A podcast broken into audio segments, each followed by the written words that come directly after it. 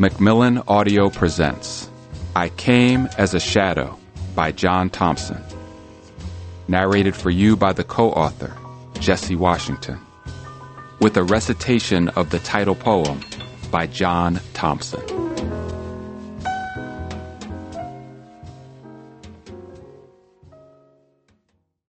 A note from the co author.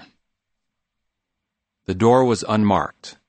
It opened into a tiny office barely big enough for the man's substantial frame, and our feet almost touched as we sat alone together for the first time.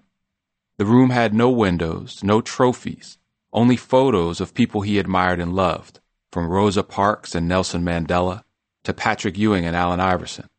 A small statuette of the Virgin Mary rested on his desk. We were on the first floor of Georgetown's John R. Thompson Jr. Intercollegiate Athletic Center, down the hall from his larger than life statue. Coach Thompson made no small talk when I arrived.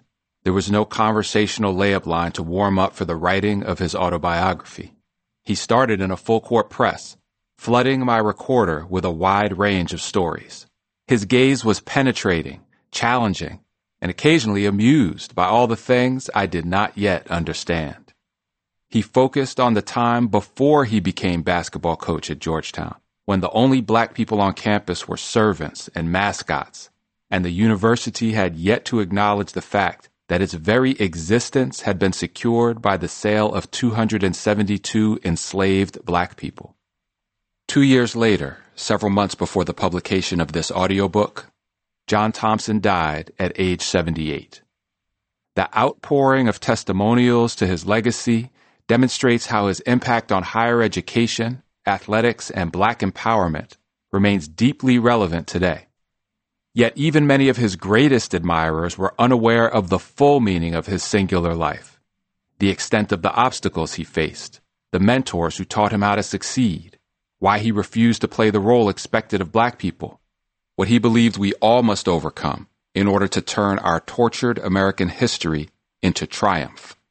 These are the things he wanted people to learn through his life story and why he periodically told me, I don't want this to be a book about basketball.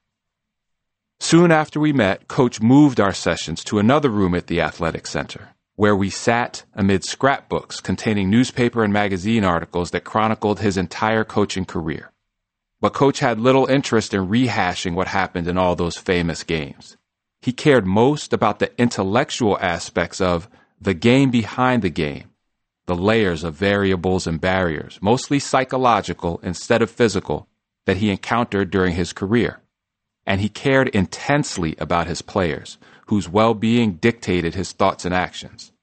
Almost every negative headline in those scrapbooks came from his mission to protect and educate his kids at all costs, while obtaining equality for black people. During countless hours of conversation over those two years, Coach told me on more than one occasion, we have to get this right. And he deliberated over every word to make sure they were exactly what he wanted to say. He knew this would be his final testimony and how much it is still needed. Thank you, Coach, for opening the door. Jesse Washington, September 8th, 2020. I came as a shadow. Introduction I always planned to be a teacher, not a basketball coach. I used basketball as an instrument to teach. My classroom was the court. When I say teach, I'm not talking about how to run a 2-2-1 zone press or the fast break, although we did those things quite well. I felt a responsibility to broaden my players' perspectives of the world and of themselves. I had to expose my kids to their own intellects and give them a sense of self worth beyond their physical attributes. I tried to praise them for their minds as much as for making the quick trap off the inbounds pass. But I always knew the reason I had their attention was basketball. Basketball was my instrument to make them listen to everything else. Basketball also became a vehicle for me to challenge injustices. I didn't think about it that way when I started coaching Georgetown's team in 1972. I just did what came naturally based on how I was raised by my mother and father, the environments that I lived in, and the amount of time I was exposed to certain things. I reacted based on heredity, environment, and time. It wasn't like I strategized or planned to be an outspoken person. If I thought my team, myself, or people in general were being treated unfairly, I tried to say something about it. Sometimes I did not speak up when I should have. Other times I should have kept my mouth shut. But as I got further in my career, basketball became a way of kicking down a door that had been closed to black people. It was a way for me to express that we don't have to act apologetic for obtaining what God intended us to have, and that we should be recognized more for our minds than our bodies. All this came out of the strong responsibility I felt to teach kids more than how to throw a ball through a hoop. Too many black kids are conditioned to seek recognition based on physical instead of intellectual attributes. We have to stop thinking about power as being able to dunk on somebody or lay somebody out on the football field. Real power is defined by the capacity to think and excel in various situations. Compared with physical abilities, intelligence places you in a better position for a longer period of time. Far more money is made sitting down than standing up. These are some of the things I felt it was important to teach, but I have to be honest about my motivations. I also wanted to win basketball games. I wanted to win an awful lot. Let's not act like I was St. John out there, only concerned with education and uplifting the race. Winning was incredibly important to me, and you best believe I was good at it. People only listen to you if you win. I intended to be heard. I knew that my success or failure would influence opportunities not only for other black coaches, but for black people in general. I couldn't be just a coach because my cause was not the same as most other coaches. My cause was more serious. I had to win because black people didn't have the right not to be successful. Years ago, I read a quote by Mahatma Gandhi that affected me deeply. Freedom is not worth having if it does not include the freedom to make mistakes. In other words, to be truly free, we must have the freedom not to be successful too. When I arrived at Georgetown, I knew of only four other black head basketball coaches at white colleges. If I didn't win and win fast, I would have been run out of there and you never would have heard from me again. The next black coach in line probably wouldn't have gotten hired either. Most black people, myself included, did not have the freedom not to be successful. America is finally realizing that even today, after all that black people have fought for and achieved, far too many of us are still not free. As I finish this book, the nation is being torn apart by protests and riots over the death of George Floyd. This man did not have the freedom to make a tiny mistake, allegedly passing a fake $20 bill. I empathized with Floyd when I heard him cry out, Mama, as he died beneath that policeman's knee. I was a mama's boy growing up. The safest place I ever felt was in my mother's arms. The protests have forced everyone to confront a lot of deeper injustices, which is something I have always tried to get people to consider. Yes, black people are being needlessly killed by police, but there are many ways of killing a person. You can kill people by depriving them of opportunity and hope. You can kill people by saying that society is equal, then starting a hundred yard race with most white people at the 50 yard line. Discrimination is a lot more complicated today than when I was growing up and they made black people sit in the back. Trying to fight discrimination today can feel like shooting at ghosts. But I am proud of the way today's generation is protesting and refusing to be apologetic for insisting on their God given rights. We have entered a new era of vocalizing our humanity to reach this point is one reason I did the things I did, to help demonstrate that we should not accept the unacceptable. I never would have imagined years ago that a black female mayor of DC would paint Black Lives Matter on the street leading to the White House. I respect that young man, Colin Kaepernick, because he sacrificed his career to protest police brutality. He was a hell of a quarterback who could have played many more years and made a lot more money. But after he kneeled during the national anthem, football was taken away from him. Let's not forget that he was protesting exactly what happened to Floyd. That said, I disagree with the method Kaepernick chose to protest. I love America.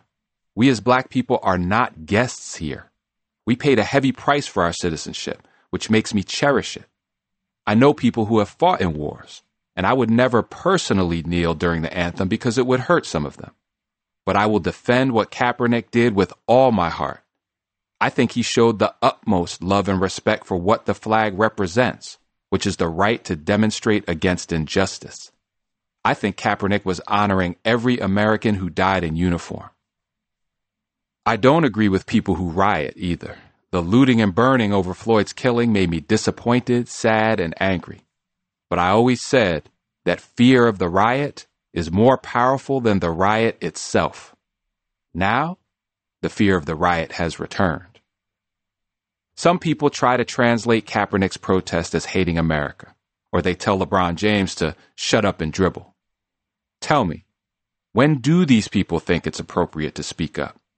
When have certain white people ever said it was the right time to protest injustice? Never, that's when. There goes John again, is what I always heard. I refused to be quiet, but a good deal of the time I felt like I was by myself. Now I'd like to see them try to shut up the millions of people who marched in the streets for George Floyd. Reflecting back on my life, I said and did things that I regret. I hope God forgives me for all the mistakes I made. I do not intend to cast the first stone in this audiobook. But I hope that some of the things I said and did helped us get closer to obtaining real freedom. Ralph Waldo Emerson said we should call our employment by its lowest name, and so take from evil tongues their sharpest weapon. People tried to define me as many things during my career, both good and bad. In my own mind, I just considered myself a second hand teacher. But this book is not about teaching Allen Iverson to handle the basketball, or Patrick Ewing to control the paint, or Dikembe Mutombo and Alonzo Mourning to block shots. I always told my players not to define themselves by the eight to nine pounds of air inside a round piece of leather, and I apply that same principle to myself. I'm extremely proud of the fact that Patrick, Dikembe, Alonzo, and Allen are in the Naismith Memorial Basketball Hall of Fame.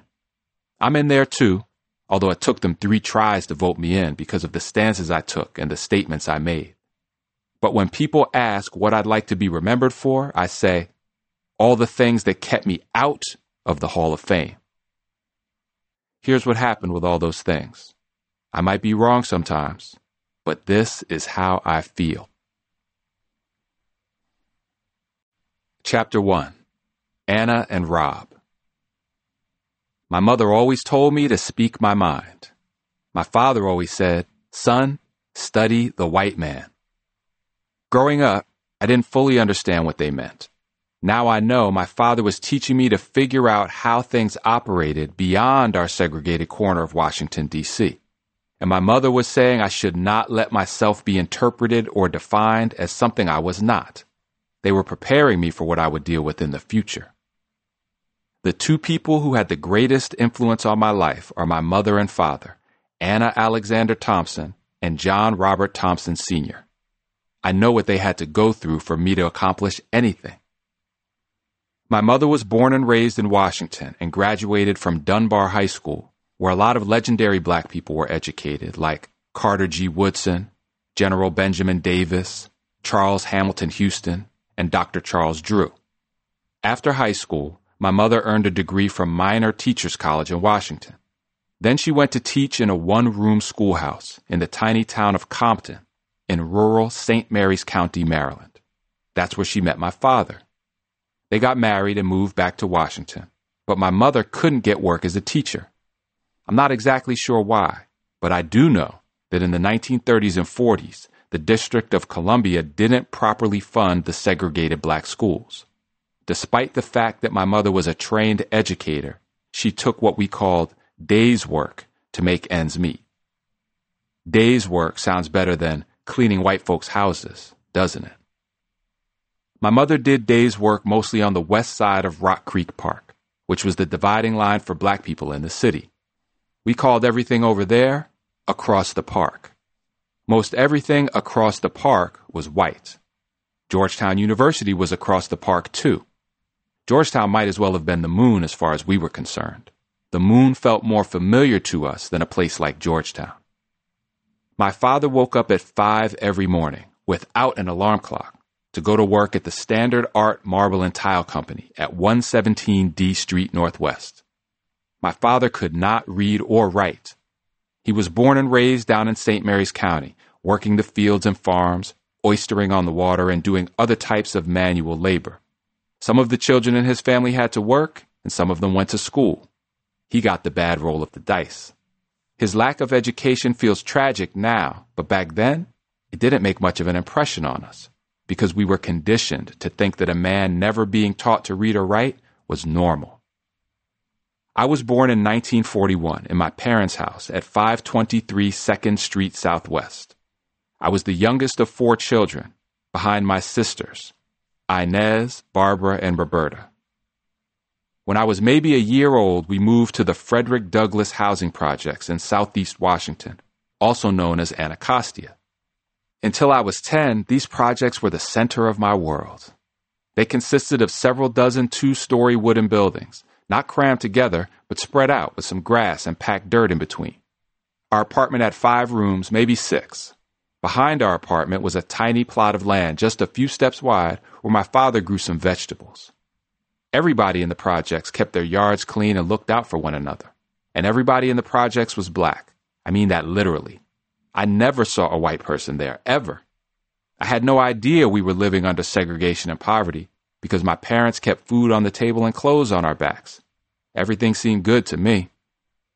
We didn't have any playgrounds in the projects, but we found amusement all over the place. Kids today buy their fun. We learned how to make our fun. We nailed two pieces of wood together in the shape of a cross, attached some wheels from a broken down bicycle to the short piece, and put some old roller skates on the long piece. We called that a skatemobile. You'd lie on the long piece of wood and race down a hill. We played stickball in the street. I fell in love with baseball on a field that had more bumps than smooth parts. When a ground ball came your way, you better watch out that it didn't hit a rock and fly up in your face. Across the street from the projects, the woods began. People in Washington used to call Anacostia the country because you had to cross a bridge to get there and we had grass and some trees. My friends and I had a great time in those woods. You could go in there, get a limb from a tree, put it between your legs, and that was your horse. Go get your cap guns and run around playing cowboy. We picked flowers, apples, and pears. We caught rabbits in shoe boxes. Set the box up on a stick, put some food behind the stick. The rabbit hits the stick, and the box comes down over the rabbit. We gazed at horses in a nearby field, collected tadpoles and frogs. I learned that blackberries grow on a vine and mulberries grow on a tree. There was a popular song when I was growing up that said even though folks might be uneducated or underprivileged, still they get from A to Z doing what comes naturally. That's how we lived, just doing what came naturally. I always had some sort of little hustle job. Money has never been something I was reluctant to get. I took my radio flyer wagon up to the Safeway grocery store and asked people if I could carry their bags home. I sold crepe flowers door to door for Mother's Day. All the houses in the projects were heated with stoves that burned wood or coal, so my friends and I collected scrap wood in bushel baskets and sold it to people to burn in their stoves. Or when coal got dropped off in the street, I could shovel it into an old lady's house and get a few coins. My sisters liked taking me to the movies at the Carver Theater on Nichols Street, which is now Martin Luther King Avenue. They showed these pictures where the white hero with big guns ran all through the jungle. He always had a bunch of black natives with him, and the natives went up ahead carrying sticks and spears. If anything went wrong, if they got attacked by a tiger or some enemy, the natives always got killed first. I used to think, why is the black guy with the stick in the front? and the white guy with all the heavy artillery in the back. My father liked to come home from work, sit on the porch, light his pipe or a cigar, and listen to baseball games on the radio with me. I was crazy about baseball as a kid. The Cleveland Indians were our favorite team because they signed Larry Doby, the first black player in the American League. Doby went through everything Jackie Robinson did, but without the same recognition.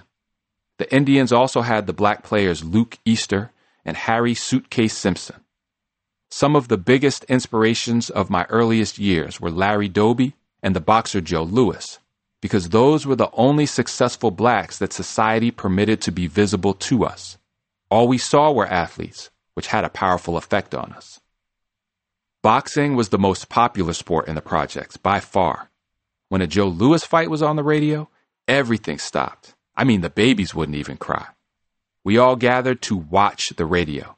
Not listen to the radio, we watched it like it was a television. If Joe knocked one of them suckers out, so many people would come outside yelling and hollering you thought it was a parade. That's how much respect black people had for Joe Louis. Educated black people and black thinkers were not visible to us. I may have lived in the Frederick Douglass projects, but I never knew who Frederick Douglass was when I grew up. He wasn't someone we talked about. Black people were too busy surviving. Money was a constant problem in our household, although my parents kept that hidden from us. The government limited the amount you could earn and remain in public housing, and they sent people to the projects to snoop around. My mother worried that we would lose our home if they found out she made extra money doing days' work. My father took me to the Christmas party at the tile factory every year, and there was a lot of extra food left over. We gathered it up and took it home. I don't know exactly what my father's job was at the factory, but when he came home from work, his hands never got clean. He washed them in the kitchen sink, even rubbed lard from a can on his hands. But the dirt was ground in so deep, his hands stayed dirty all the time. Despite all this, I never once heard my father complain about having to wake up so early every morning. My mother never complained about scrubbing floors or cleaning toilets or having to bring home secondhand clothing from houses she cleaned. They kept us fed and clothed and did not raise us to feel we were deprived of anything. Most important, they showed us a tremendous amount of love.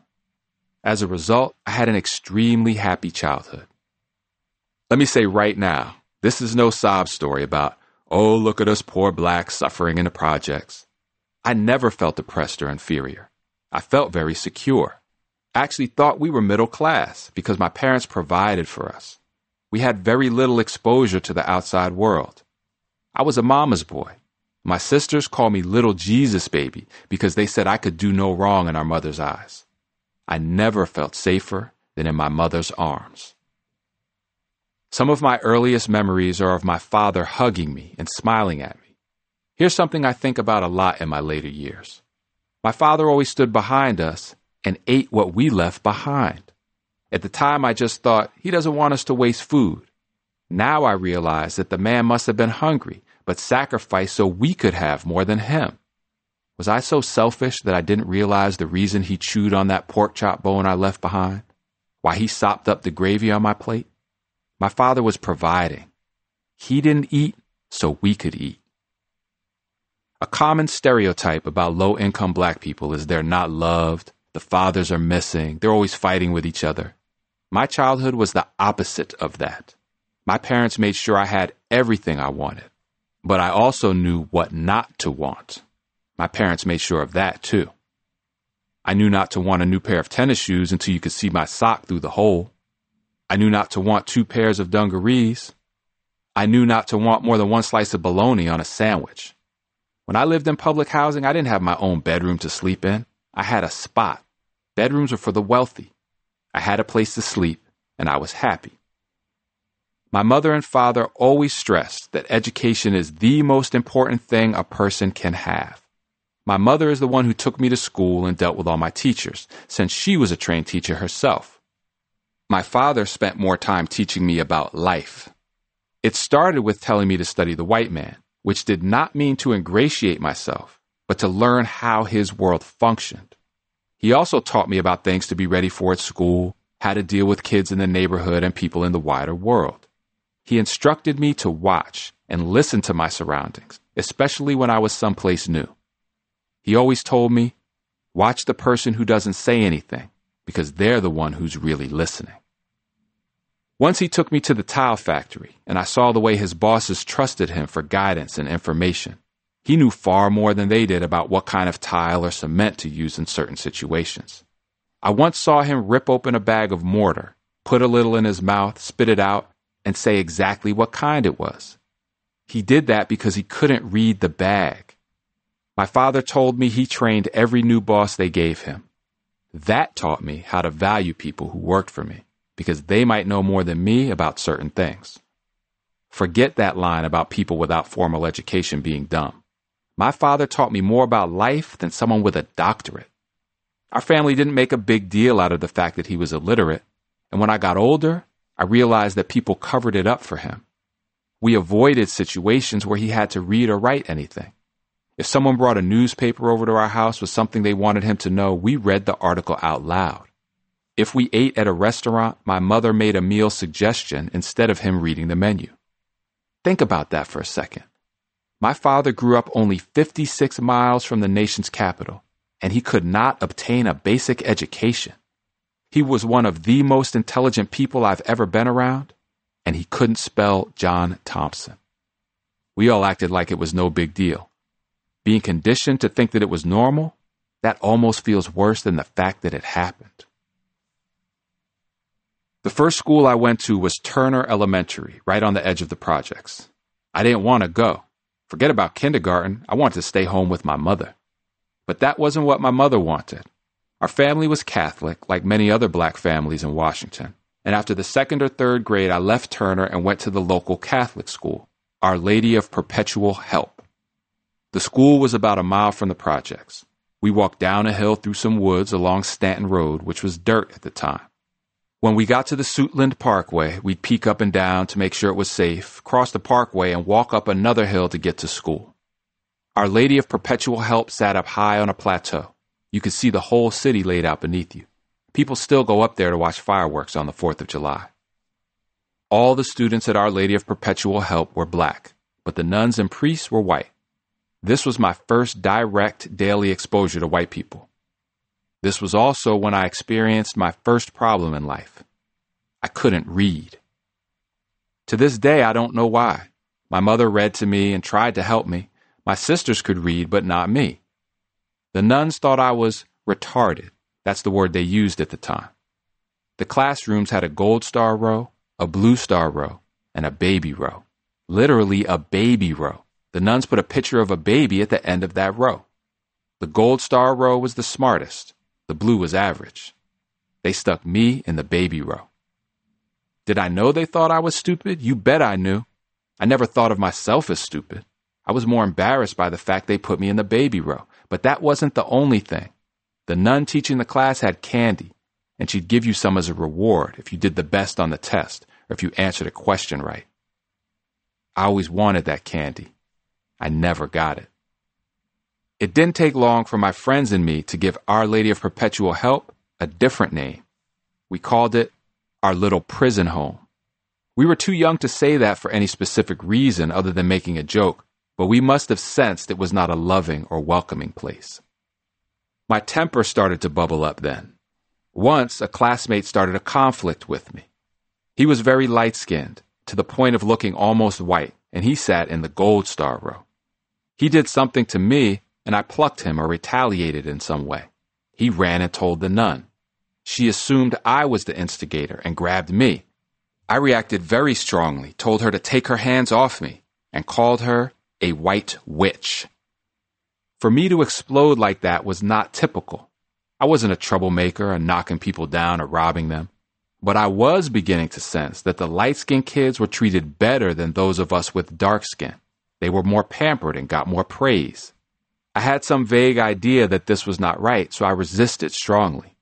That may have been the birth of me resisting, because that was not in my personality up to that time. The nun sent me home, and my mother brought me back to school to find out what happened. The nun told my mother I called her a white bitch. In those days, I didn't curse at all. My mother would have killed me for that. Fortunately, there was a girl in my class, Patsy Stewart, who had been sitting beside me and heard what happened. Patsy said, Mrs. Thompson, he didn't say a bad word. He said witch. My behavior was probably a way for me to camouflage what I didn't know. I think I was insecure about not being able to read or about being dark skinned. At that age, all the abusive things that were said to me about color came not from whites, but from black people. We were never around any white people except the nuns and priests. For another black person to call you dark or black was one of the worst insults you could get. That was to be expected because black people wanted acceptance. We transferred what the oppressor was doing to us and inflicted it on someone else. Before I ever encountered white society, I was taught that it was a disadvantage in life to be a darker black person. After the situation with the nun, the pastor at the school made a big deal out of taking me for a drive down Suitland Parkway to talk to me about controlling my temper. He said, You have to be careful. You might grow up and kill somebody and go to jail. In those days, if you were a black boy and didn't end up in jail, or if you were a black girl and didn't end up pregnant before you got married, that was considered a successful life. Black folks thought that way too. Think about how low those expectations were. Don't go to jail and don't get pregnant. The pastor thought he was doing his job. But I remember one white nun at the school, Sister Eunice, whispering to me later A man without any temper is not much of a man at all. We didn't have a car, and neither of my parents knew how to drive, so we took the Greyhound bus once or twice a year to visit my father's family down in St. Mary's County.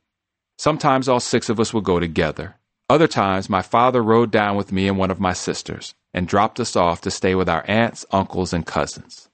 The only time I saw my father wear a suit was when he visited his hometown. He wanted to show his family he was doing well up in the big city. We called the Greyhound bus the Hound. It made a rest stop in Waldorf, Maryland, not far outside Washington. Maryland used to be a slave state, and then it had Jim Crow. When we stopped at the little Waldorf rest area, which had snacks and restrooms, black people had to enter through the back of the building. We couldn't go in the front. When we returned to the bus, we always sat in the back. None of this made an impression on me at the time. One trip, I was sitting next to my father in the back of the Hound when we pulled into the rest stop. My father needed to use the bathroom and walked around to the back entrance. I waited on the bus by myself, looking out the window toward the front of the rest stop where the white people entered. All the white folks came back out and got back on the bus. We waited another minute or two. The bus driver closed the door and started rolling. I sat there by myself, silent and terrified, looking out the window. The bus kept rolling. My father ran around the corner of the building. The bus stopped. He got on, came to the back, and sat down beside me. Why didn't you say something? My father asked. I couldn't articulate an answer. I was scared to death, a little black boy on a strange bus full of white people. My father's hometown of Compton was this tiny place surrounded by farmland as far as you could see. All my relatives lived in little houses on long country lanes with no electricity or running water. I was fascinated by their way of life, which exposed me to things I had never seen in the projects. To get water, we had to walk down the lane to the pump. To bathe, they heated water on a wood stove, then filled up a metal washtub. You stood up in the middle of the tub and washed yourself. Light came from kerosene lamps. There was no toilet. You went out back to the outhouse. We never thought about it as being a disadvantage. I loved going down there. I admired how my cousins could walk a mile barefoot on the side of the hot asphalt road to get groceries. They had some tough feet. We walked to a white man's farm and got fresh milk from his cows. I didn't like the taste, but my cousins drank it like water. I thought it was really funny when a fly or a bug flew around the house and my cousins gave it the name of somebody they didn't like. They'd swat the bug and say, Get out of here, Sam, or Betty, you better keep away from my porch. My cousins taught me to walk along the left side of the road, where the cars came toward you, not from behind you. They showed me to always mount a horse from the left side. I respected my cousins for how hard they worked on the farms. When they took me through the tobacco fields, I saw huge green worms on the tobacco leaves that scared me to death but my cousins flicked them out of the way like they were nothing. Sometimes I went out to work with them just for fun and didn't last more than 15 minutes. They stayed out there all day making money. When I coached, we called sprinting back on defense or hustling on the fast break working hard. I wonder if I would feel differently about that phrase if I'd grown up like some of my cousins, working in those fields, cutting down tobacco and corn in the sun. My first time in a boat was with my father in St. Mary's County. We caught a big fish and it frightened me flopping around in the boat. That was nothing compared with my terror when he caught an eel. It was wriggling all over the place until he beat it on the side of the boat to kill it. The first time we went fishing, I caught three fish and he got four. But when we got back to the house, My father said he caught three, and I caught four. I was proud of that. My father was the first person I ever saw play a slot machine in a little corner store down there called Abel's. I'll never forget it. My father would drop a nickel in the machine, turn, and walk away, but then he'd pause by the door to listen for the sound that would tell whether he hit or not. What I remember is the smile on his face as he turned and listened. If any coins fell in the big metal cup, he would break out laughing. That's how I got into playing the slots. In the evenings, people sat on the porch and played instruments. I had a cousin who played the guitar like nobody I had ever heard. On Saturdays, my relatives took me into Leonardtown, which had a back street with speakeasy type joints where black folks danced and had a good time. I'd be on the sidelines, peeping at what was going on. My sister Barbara was the best dancer I'd ever seen. On Sundays, baseball was a big deal. Teams representing the different parts of St. Mary's County played each other and people treated it almost like a major league game. The other thing we did on Sundays was go to St. Francis Xavier Church. The Jesuits had come to southeastern Maryland about the year 1640. They bought 850 acres of land and started farming it with slave labor. In 1662, they built St. Francis Xavier. It's still there today. A small wooden brick building with 10 or 11 pews one of the oldest churches in America. Up in Washington, our Catholic church was all black. Down in St. Mary's County, there were white people in the church too, and all of us blacks had to sit in the back. When they passed the collection plate, they took our collection second. When Holy Communion was given, the whites went up to the altar first and the blacks followed only after they were finished. When the Catholic festivals came, they had one for blacks and one for whites. Everything about the church was segregated. To say I accepted all this would be incorrect. I hardly even identified it. Everyone acted like black sitting in the back was the way things were supposed to be. We were mentally conditioned. I didn't get angry in the back of the church and want to throw a brick through the stained glass window. Later, I got mad that I didn't get mad about it. I got mad that I wasn't aware of it, because that's the bigger danger. I was just a little boy at the time. Sometimes I ask questions. Why can't we go to communion with them? Why can't we do our collection now? Whatever the adults told me, it was enough to make me settle down at that moment. But before long, I started thinking more about what happened. Like, this priest was saying Jesus loves everybody the same, but I had to go to communion second after the white folks? You're telling me one thing about God and Jesus, and you're practicing another thing.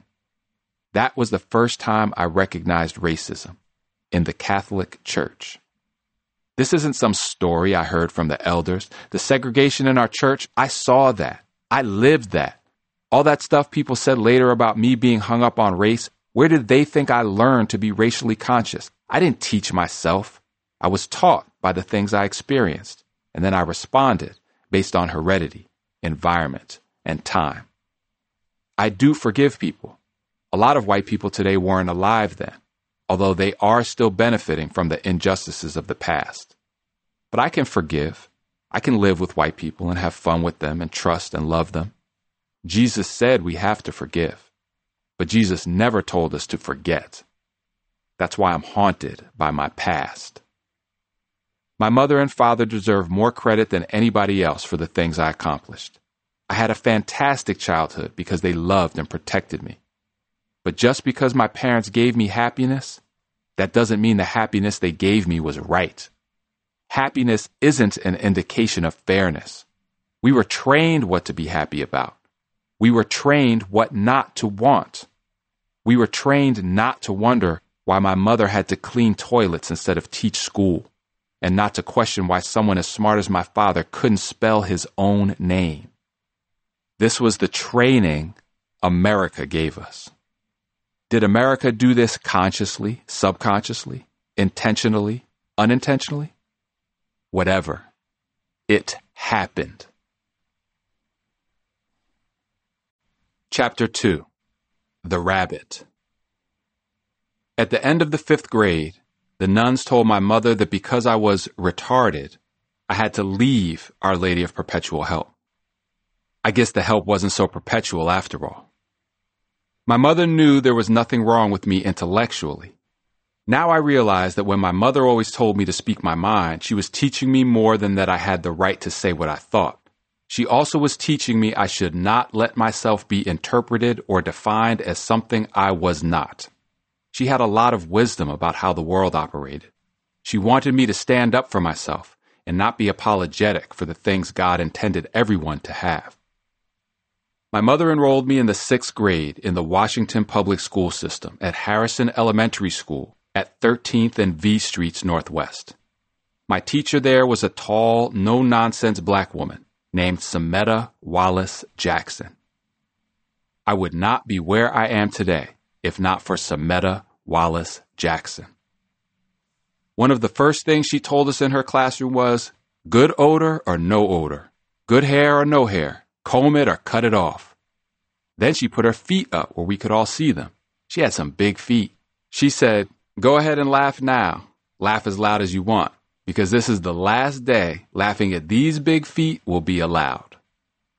She focused as much on how to behave with manners and respect as she did on reading, writing, and arithmetic. We knew not to yawn in her class. We would never even imply Mrs. Jackson was boring. We knew someone was in charge, and it wasn't us. After a few days in her classroom, Mrs. Jackson told me, You're not stupid. You just can't read.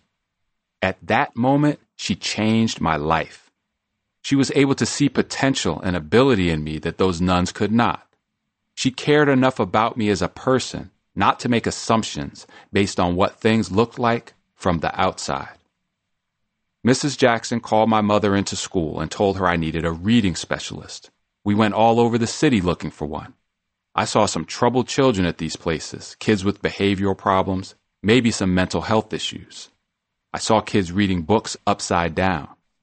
I didn't know what all that meant at my young age, but I knew something wasn't right and I knew I was being lumped in with them.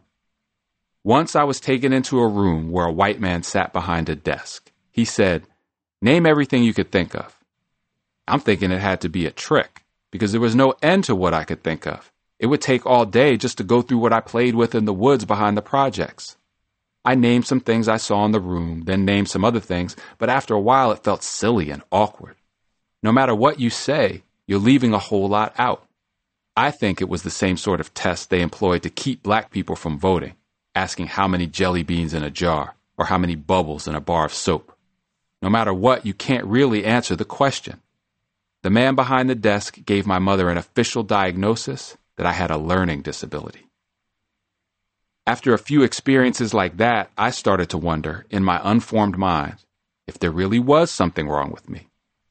But my mother remained supportive and reassuring, and the fact she and Mrs. Jackson had confidence in me is what got me through. I knew they didn't think I was stupid.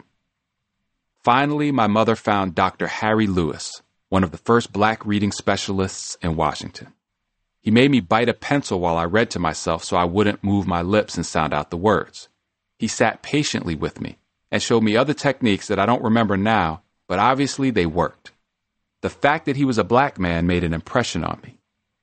Mrs. Jackson coordinated what Dr. Lewis taught me with her instruction at Harrison Elementary, and that was when I started to be able to handle things academically in school.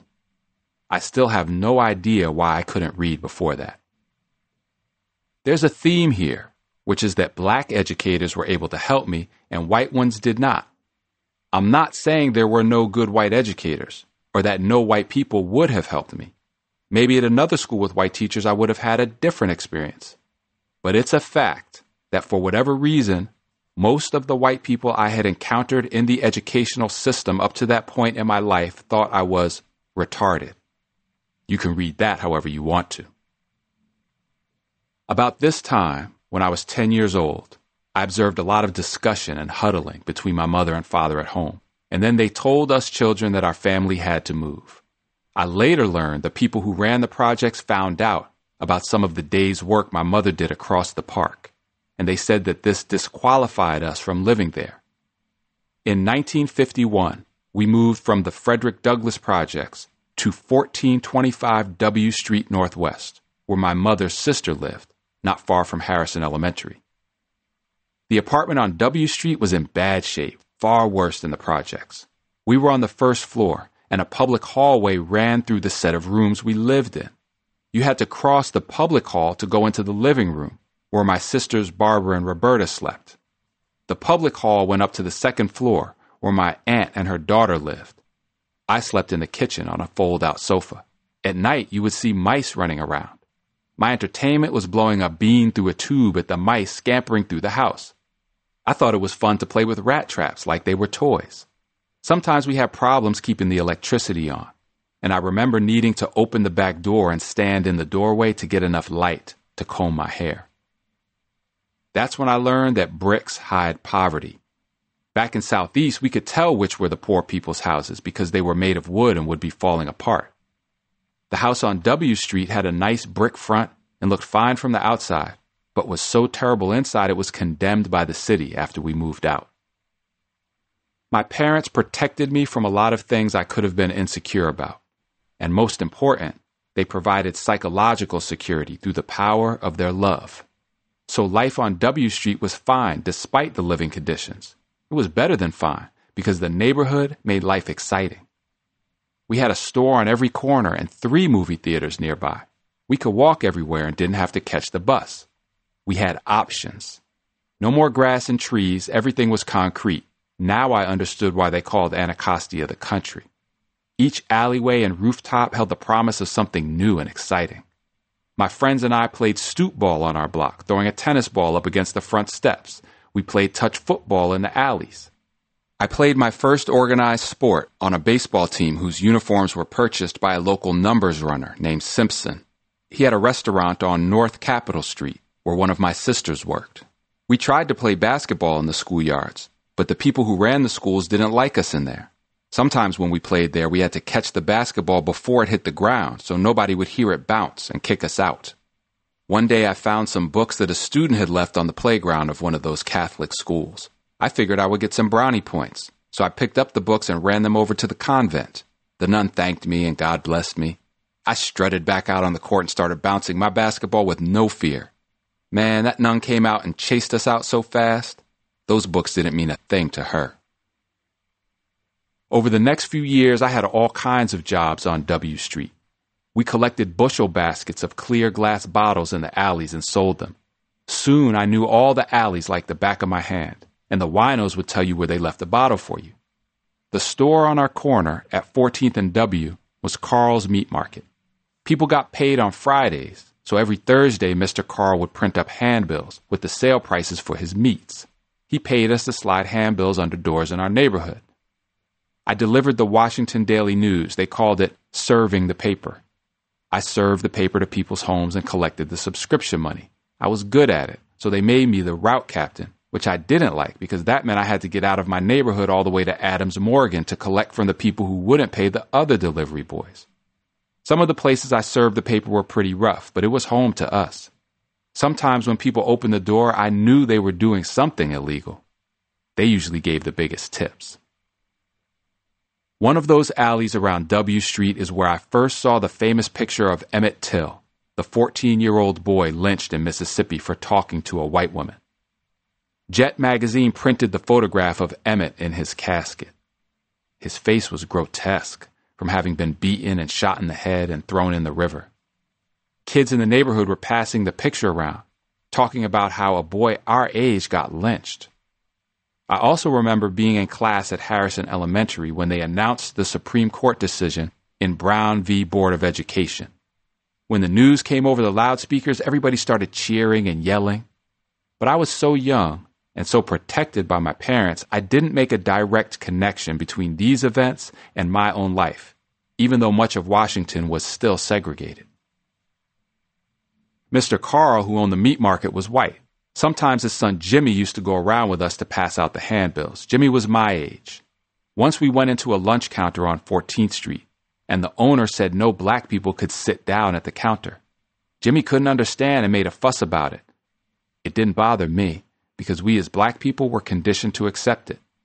We were conditioned not to think beyond the way things were. There's an old story about a dog who was tied up on a long chain in his yard. Every day people walked by the yard and the dog would get all ferocious. He growled and barked and chased the passersby. Then the dog would yank up against the end of his chain, and he couldn't chase the people any farther. One day they took the chain off the dog. The next person who walked by, the dog took off running and chased him like hell, then stopped where the chain used to end. The dog had been conditioned to place that limit on himself. When I was growing up, a lot of us black people were like that dog. Some of us still are. In addition to helping me learn to read, Sametta Wallace Jackson did something else extremely important. At the end of the school year, in the spring of 1953, she informed my mother that I would not be promoted to the seventh grade. She didn't ask, she told my mother I would repeat sixth grade. Sixth grade was the last year of elementary school. I was over six feet tall at the time. I was the biggest kid in the building by a lot. I was supposed to be leaving for junior high school. Now I'm staying another year. It wasn't like nobody would notice this giant kid coming back to the same school again. Repeating the sixth grade had the potential to be humiliating for me. But what Mrs. Jackson did, which I will never forget, is protect my feelings. When my classmates had graduation preparations or other activities, she came up with reasons for me to be someplace else. She would invent some activity in another part of the school or send me on an errand to the store. She was conscious of my dignity as a young person. Remember how I thought that my family was middle class because we never missed a meal and had all the things we needed? Reality started to dawn on me when Mrs. Jackson sent me to the store to get some food for the principal's dog. They instructed me to buy this special hamburger. I knew my meats from passing out flyers for Mr. Carl.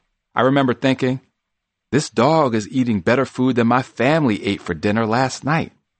But the point is that Mrs. Jackson not only recognized that I could think, she also protected my feelings. This stuck with me when I coached at Georgetown. If a player had to sit out some games because of bad grades, I didn't announce it to the media. I might even tell the trainer put a knee brace on him to protect the kid. When I recruited players, I never assumed they were stupid if they had bad grades or test scores. A lot of them had been stuck under low expectations, like those at our little prison home, where all we were expected to achieve was staying out of jail. Mrs. Jackson planted the idea in me to look deeper at a ball player's life and figure out if he was capable of academic success with the proper support.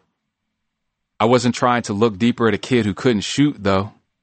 I didn't offer the proper support to any slow, short guys. Let's be honest about my motivations. I was trying to support kids who could help me win basketball games. Once these players got to Georgetown, they had to take their education seriously. They had to study and go to class. That part was on them. I always told my players, if you want to be a slave, I refuse to be the master. In other words, if you want to allow Georgetown to make all this money and prestige off you and not get an education in return, I won't be part of it. I will put you out. All of this connects back to Sametta Wallace Jackson. She saved my life, and she had as much influence on my coaching as some of the greatest minds in basketball. When Mrs. Jackson died, the people who handled her estate said she had a newspaper article about me in her dresser drawer. That brought a tear to my eye.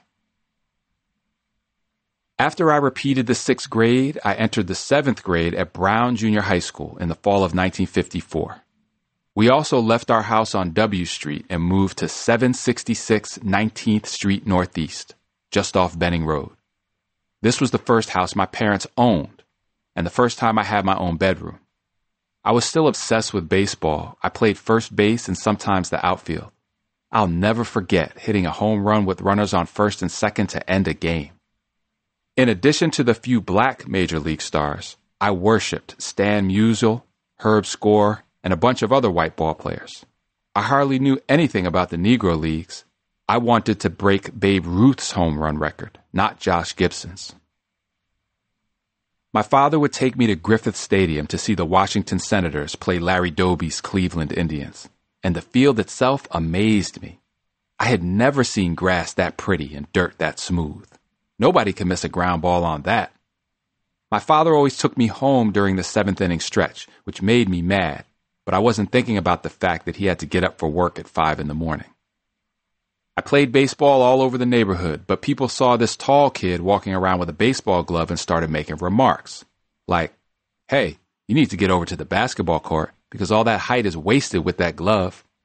So I started dipping into basketball a bit more. I wasn't very good when I started. Two young neighborhood guys around Benning Road, Ellsworth Sandy Freeman and Bob Greer, like to help local kids with sports. They were in their early 20s and became like my older brothers as they introduced me to a different element of Washington basketball. They were the first people to recognize that I could get a college scholarship and to push me in that direction. Sandy got his nickname because he was light skinned with reddish hair. He was a quiet person. Whenever Sandy got angry, he smiled. Bob had thick glasses and everybody called him Batman. Both of them were good non scholarship type of playground basketball players. They had regular jobs and Sandy had a car. Sandy and Bob would pull up in the alley next to my house and beep the horn. Batman's here, my mom would say. I'd hop in the car we'd go looking for a game. I was still a mama's boy and not tough at all, but nobody ever messed with me with Sandy and Bob around. The gym teacher at Brown Junior High, Mr. Kermit Trigg, also played an important role in my development. Between Sandy, Bob, and Mr. Trigg, I started to improve. I got my name in the paper for the first time, a little article in the school publication that mentioned me scoring a few points in some game. One of my sisters read it to my father, and my family was proud of me. But I clearly recall my sisters telling me, don't take this too seriously because the same people will come back and criticize you.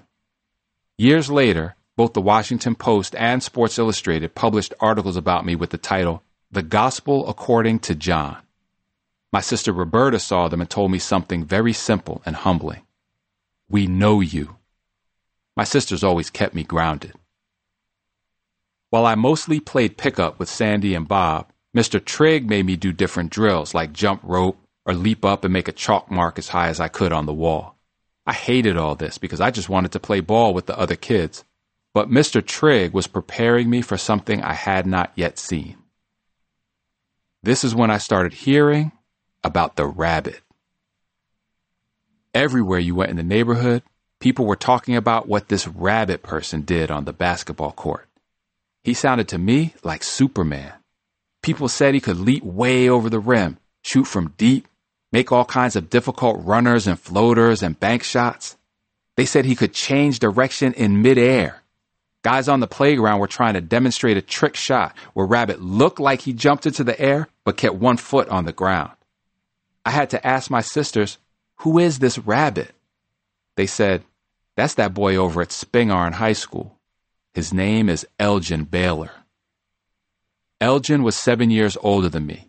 He quickly became my hero. No, he was something above a hero.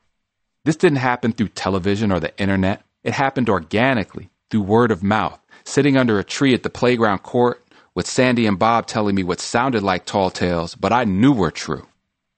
I have a statue in my house right now of an African man sitting down and talking to three little black children. That's how it was with me learning about Rabbit. Like receiving a message in the village through a drumbeat. It didn't take long for me to idolize Rabbit and want to excel in basketball because of him. But think about this for a second. At this point, I had never seen Elgin Baylor play. He was just a name, but he was a name that got so much respect and attention from so many people. And there were no other examples of black achievement that felt close enough to touch. Nobody in the neighborhood was talking about Dr. Charles Drew. But Spingarn was right next to my school, Brown Junior High, so I wanted to be like Rabbit. That made me practice and play a lot more.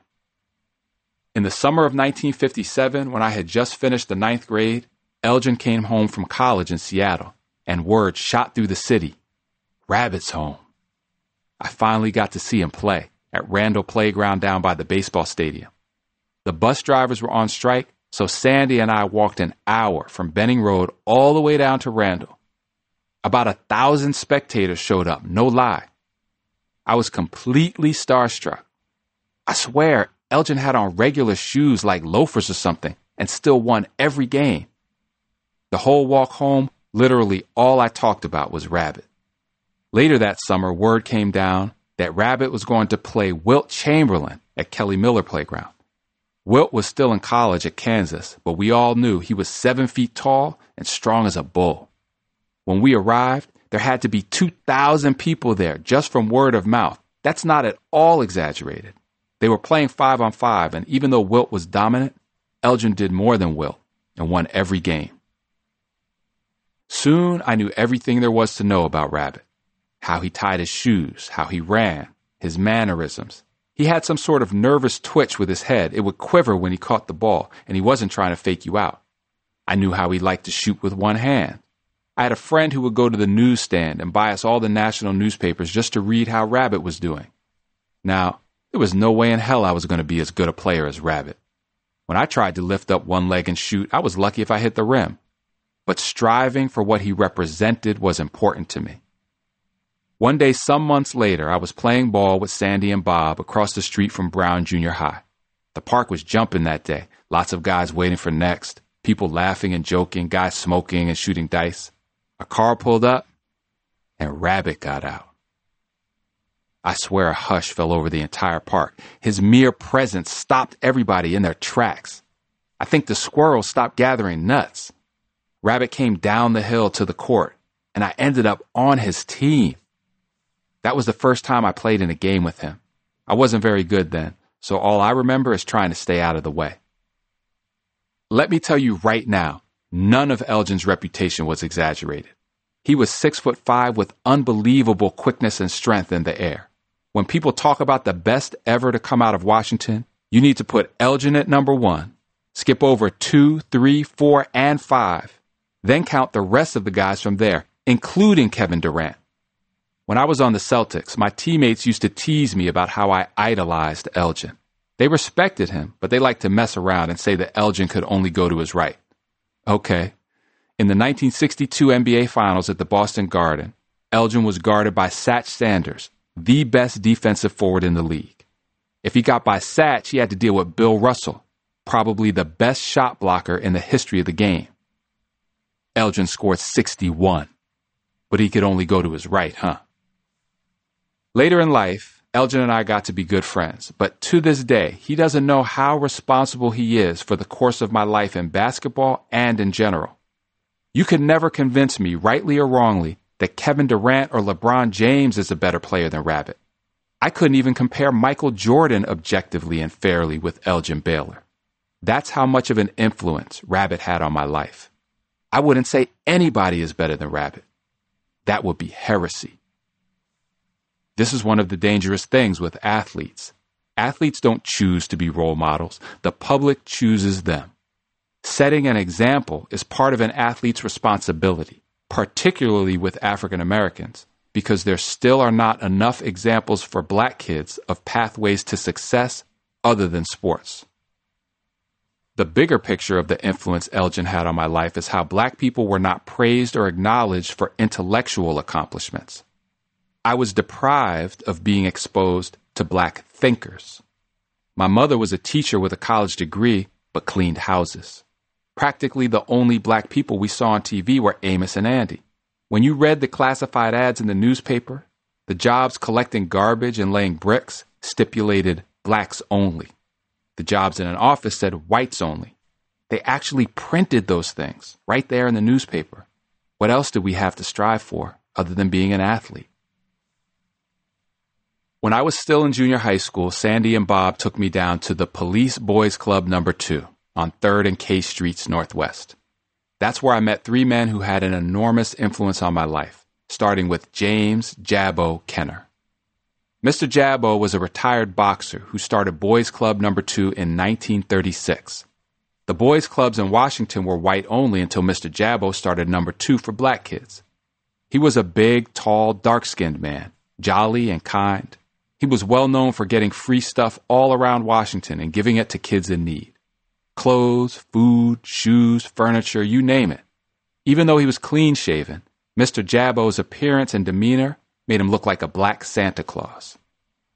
Two counselors who worked with Mr. Jabbo were Bill Butler and Julius Wyatt. Mr. Butler was a cool guy, always immaculately dressed in slacks and nice shirts. He had won a Lincoln in a contest and he liked to hang out in front of the club polishing his car while talking to all the kids. Mr. Wyatt was a smaller guy with a limp. These men cared about us, and we knew it. They were always advising kids about school and helped a lot of them get athletic scholarships. They stayed on your case about being respectful, but in a loving way.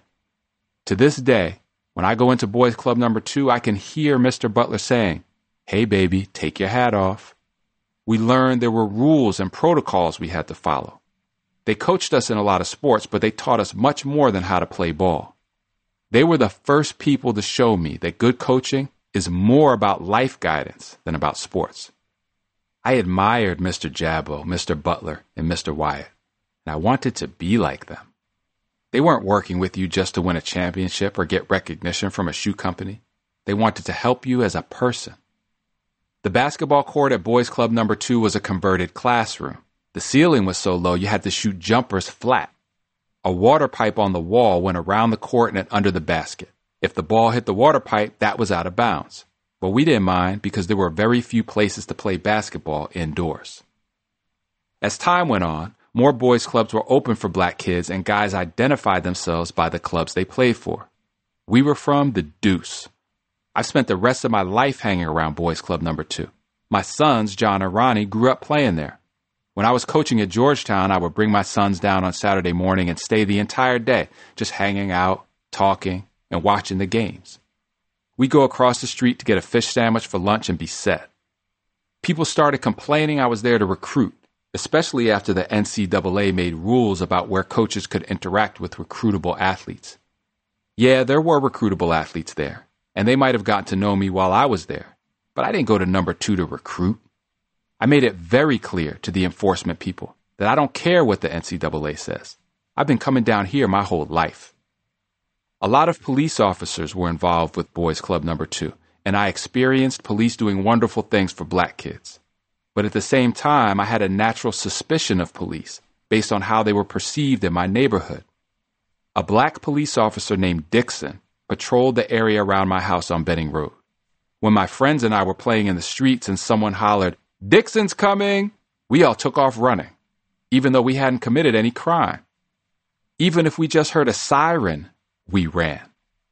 We knew on a subconscious level that if the police got their hands on us, we could be harmed, even if we were innocent.